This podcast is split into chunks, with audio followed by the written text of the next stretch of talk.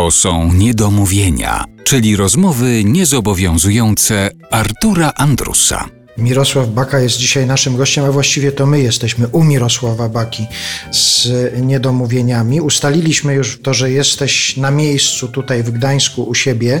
Ciekaw jestem, czy to też się przekłada, bo tak niektórzy mogą sobie wyobrażać, że jak ktoś mieszka w Gdańsku, to na przykład wiadomo jak spędza wakacje, że idzie z parawanem na plażę, a zimą sobie pomorsować. Kiedy ty byłeś ostatnio na plaży? Ustalmy to. Wiesz co, nie tak dawno byłem na plaży, dlatego że właśnie to jest ten paradoks, paradoks, że ja na plaży y, właściwie od czerwca do września nie bywam na plaży. Plażę oddaję wtedy przyjezdnym, na przykład z Warszawy, którzy tęsknią za tym morzem i, i przyjeżdżają tu się plażować, albo ze Śląska, bo tutaj jest tak, mówi się, że tutaj najwięcej ludzi ze Śląska przyjeżdża.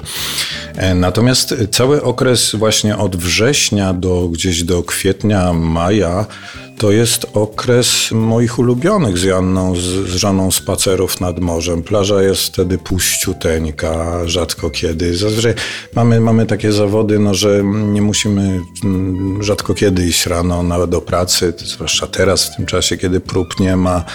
Także bardzo często się zdarza, że wsiadamy w samochód, no bo w końcu tak w linii prostej to ja mieszkam od morza jakieś 4 kilometry ale to jest plaża najbliżej Brzeźnieńska, natomiast my jesteśmy zakochani w plaży Stogi, którą wielu z Państwa może zna, która jest, jest ogromną plażą i ciągnącą się daleko aż do ujścia Wisły. I to są kapitalne spacery, bo, bo zarówno plaża właśnie w stronę górek, jak się idzie, potem się wchodzi do lasu i takim nadmorskim lasem powrót do, do samochodu. To są niesłychanie przyjemne spacery. Także ja w tym czasie właśnie w zimie ja bywam bardzo często często na plaży. Takie geograficzne wątki będą nam się jeszcze w tej rozmowie pojawiały. Nazwy takie jak Ostrowiec Świętokrzyski i Gdańsk już się pojawiły. Jeszcze powinniśmy zahaczyć na pewno o Wrocław Jelenią Górę. Mhm. Tu już tropem Twojej pracy i studiów aktorskich. Ja z rozmów z ludźmi, którzy zdecydowali się na ten zawód, a zwłaszcza mężczyzn wykonujących zawód aktora, zauważyłem, że jest spora grupa takich, którzy zdecydowali się na ten zawód z nieśmiałości. Tak, masz, te, tak, masz tak, coś tak, takiego? Tak, ja ci powiem, ja, ja nawet często to definiuję. Często, znaczy zdarza mi się mówić o tym, że nie, bo ja jestem nieśmiały. Co? Ty jesteś nieśmiały? No tak, to jest prawda, że jest to jakiś mechanizm, wiesz, chyba pokonania tej takiej nieśmiałości.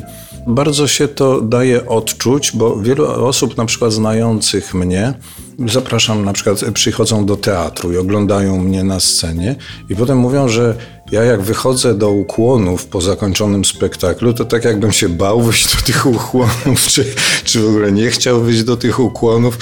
Ja mówię, tak, to jest prawda, dlatego że ja po prostu wtedy się czuję taki rodzaj, no nie wiem, te, takiego, takiego jakiegoś skrępowania, bo już nie mogę się chować za postacią. Nie, nie, już jesteś kiedy. prywatnie w No jestem, jestem prywatnie, no muszę wyjść. Coś jest na rzeczy. No nie, nie, nie ma co tego tutaj rozkminiać tak dokładnie, no bo to są jakieś sprawy takie no głęboko pewnie psychologiczne, mhm. ale skoro mówisz, że tak wielu moich kolegów, no to się cieszę, że, że nie jestem jakimś, jakimś y, wyjątkiem. No ale z drugiej strony, żeby wykonać ten pierwszy krok, żeby zdecydować się na to, że pójdę na egzaminy do szkoły teatralnej, że stanę przed jakąś komisją, to jednak mm. tę nieśmiałość trzeba w sobie pokonać.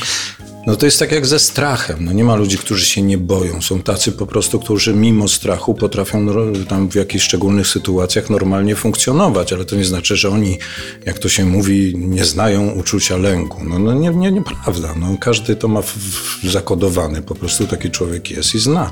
I tak samo jakiś rodzaj nieśmiałości. No to no wiesz, jednych to paraliżuje, y, a in, dla innych ta trema jest czymś takim, co daje jakiś przedziwny napęd, coś takiego dziwnego, że jak stanąłem przed szkolną publicznością w mojej podstawówce i zacząłem nagle mówić wiersz, i ci ludzie powoli zaczęli milknąć i słuchać tego wiersza. Wiesz, i to był ten pierwszy moment gdzieś tam w piątej klasie szkoły podstawowej, kiedy ja po raz pierwszy poczułem tę przedziwną energię, którą później dostaje się, no dostaje się albo się nie dostaje, ale której aktorzy mogą zaznać w dobrym przedstawieniu teatralnym właśnie od widowni teatralnej. Czegoś, za czym później zaczynasz tęsknić. Jest tym pewnie jakaś, nie wiem, doza też próżności. To kiedyś wielu moich kolegów czytałem wywiada, kiedy mówią, że aktor no, musi mieć jakąś próżność w sobie, żeby wychodzić przed tego widza i zabierać całą jego uwagę